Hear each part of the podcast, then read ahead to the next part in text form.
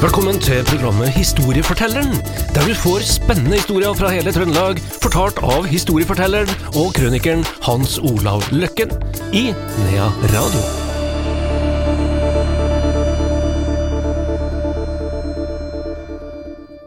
Et nytt program i serien Historiefortelleren. Vi er klar her i Nea Radios studio, og vi har som vanlig besøk av vår historieforteller og krøniker Hans Olav Løkken. Velkommen i dag, Hans Olav. Jo, takk, takk. Og nå skal du ta oss med tilbake til Kalmarkrigen. Kalmarkrigen, vet Ja, du. Det, der, det skjedde jo mye artig der, da. ja, den er jo stor for ja, meg. Ja. Altså, det er, det er jo klart at dere hører at jeg ikke er trønder. Mm. Eller, eller rett og slett, nå er jeg jo trønder, da, for det var jo diskutert i et program på NRK her en dag. Når kan du kalle ei det og det når du Hvor mange år må du ha bodd en plass?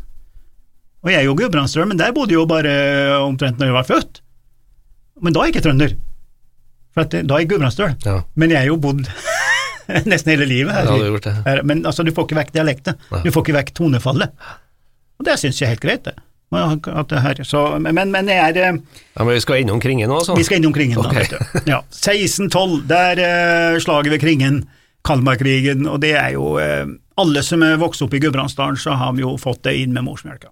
Det er ikke en måte på, der er det altså virkelig historier, altså. Der, eh, der er det ikke bare ei fjær eller to, altså. Der vokste det til struts, altså. Det er ikke bare høns her. Så, og vi er veldig stolte av det. Og vi vet jo det når vi forteller mye av historien der, at det der kunne aldri ha skjedd, for det er verken logikk eller fornuft eller noen ting i det, men det spiller ingen rolle. For det limer oss sammen, og vi er stolt av Opri Larguri. Vi er utrolig stolt. Og han Sinclair, som da mange har hørt om, som kom da og fikk juling der, han har jo antagelig heller ikke eksistert. For dette var en som het oberst Rams, eh, Ramsey, da. Der. Men, men eh, klart, eh, han som ble skutt først, han kunne jo ikke gi noen forklaring, som ga jo han skylda, som var lederen. Han kunne ikke forklare seg. Men altså, slaget ved Kringen, da, eller Kalmarkrigen, er altså kjent på grunn av Prillarguri. Og det er ikke pillar, men det er prillar. Og prille, det betyr altså spille med fem fingre på bukkhorn. Men hun Prillarguri, hun står jo med lur, altså kommunevåpenet sel, jeg tror ikke jeg er godkjent ennå, men hun står der med den luren sin der da, og blæs. Hun skulle da, når slaget skulle starte, vet du, så skulle hun skifte fra en halling til en reinlender. Det, det går ikke an å spille hverken halling eller reinlender på en lur, da, men det, det betyr ingenting.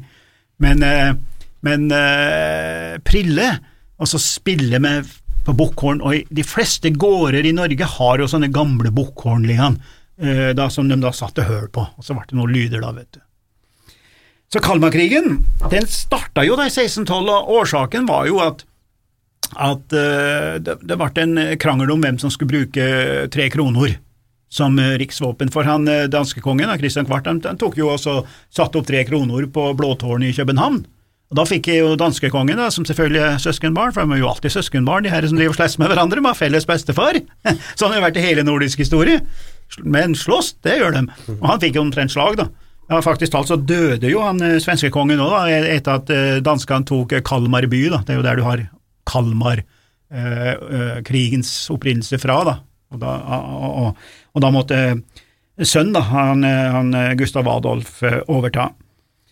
Eh, det er jo ganske mange interessante ting om det som skjedde nede i, Kringen, og det vi ikke snakker så veldig høyt om, det er jo eh, hva som skjedde etterpå.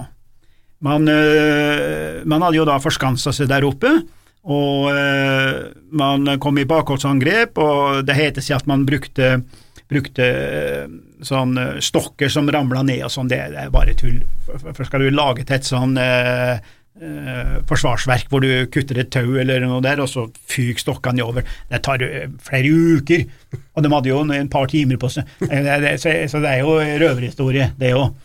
Men eh, det som er, man ikke snakker så høyt om, det var jo det som skjedde etterpå, da, når de tok de her 134 skottene som, som eh, på en måte overlevde. da.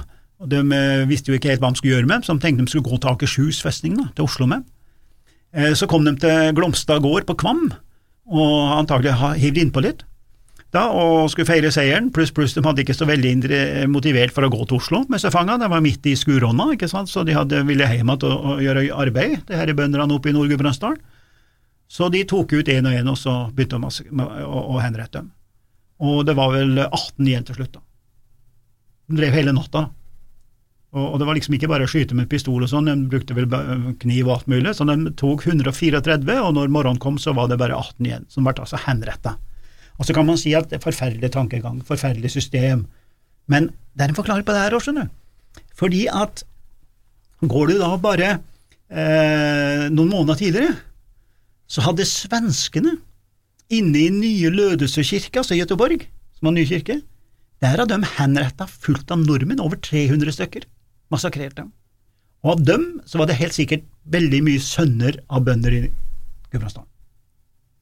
Og det er ukjent, men du kan være helt sikker på det at de her fedrene oppi, som var med i slaget ved Kringen, har kanskje mista sønner der nede ved Göteborg, som de nettopp fått beskjed om. For det tok sikkert flere måneder før beskjeden kommer, og da kommer den hevnen hevn inn i systemet. da. Men det er ikke Oprillar-Guri, vi må holde oss i Trøndelag.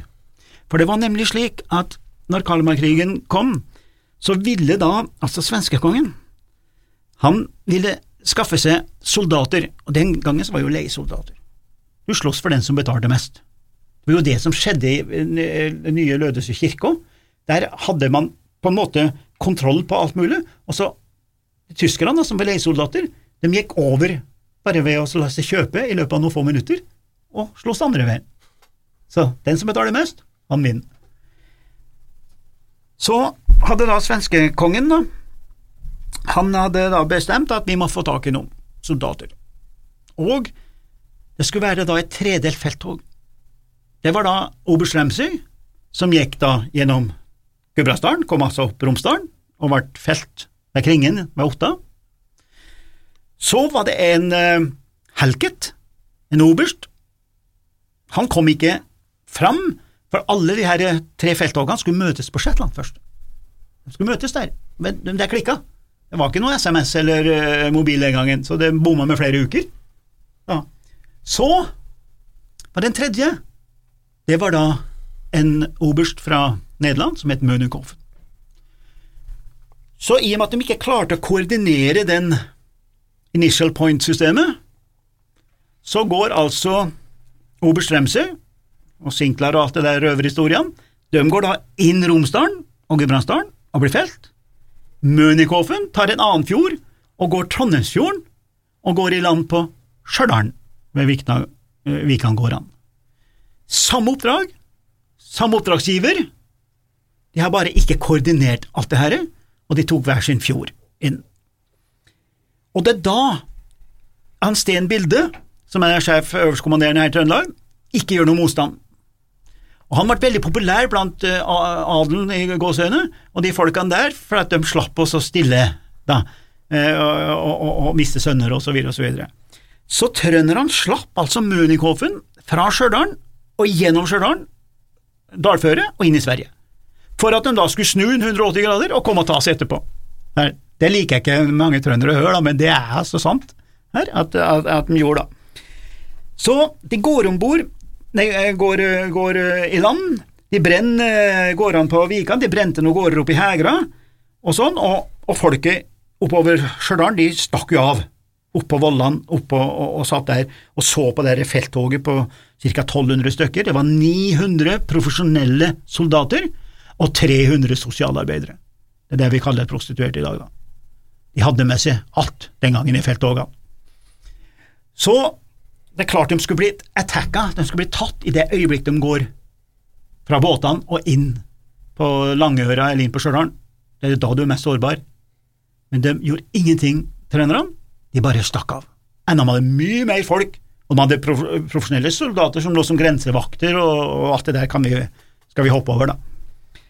Men det her ble jo ikke så veldig populært i ettertid, da. Så du har på en måte tona ned litt det her med Mønikoffen, da, som kom inn. Og allerede ett år etterpå, på herredagen, altså sånn tinget, sånn Frostating kan du nesten si, altså på herredagen i København, året etterpå, så ble altså trønderne straffa noe forferdelig, i forhold til Gudbrandsdalen. For her skjer det to felttog, to slag. Det ene blir helter, altså Gudbrandsdølene blir helter og Prillarguri, og trønderne blir altså totalt fordømt, da, med stor F. Og bota som trønderne fikk, den tilsvarer to kyr per gård. som du måtte betale da, for at de ikke gjorde motstand. Men jeg gikk litt dypere inn i den der saken der, og så fant jeg ut de var kanskje ikke så interessert, trønderne, til å være lenger i lag med danskene. Altså, nå var vi under Dan Danmark, ikke sant? Norge-Danmark. Altså, men vi har jo vandra litt mellom Norge og, og Sverige, alt etter som grensen fløt seg, og Jämtland og Herjedalen. Og husk på at vi hadde jo Jämtland og Herjedalen den gangen. Og det er jo skyldfolket vårt. Og da kommer han kong Carl Gustav, da. Han sender ut en sånn proklamasjon inn i Trøndelag, da det her Mønikhofen-felttoget kommer, og så sier han nå må dere komme over på vår side. Dere må ikke lage noe trøbbel. Dere skal få tilbake rettigheter og adelens privilegier hvis dere kommer og blir på vår side svensk. Og det er klart det var forlokkende å få adel og privilegier. Så de sa som så, ok, vi slipper en Barena, og så støtter vi svenskene her oppe. Men det kosta jo enormt mye da, i ettertid. Men det er et felttog som er veldig eh, underrapportert. Veldig underrapportert. Men vi har jo noen skanser, og vi har noen sånne tradisjonsfortellinger oppover dalen, da. Men det er veldig få som vet at en tredjedel av felttoget skjedde i Trøndelag. Men det er jo på grunn av at Prillarguri tok all æren.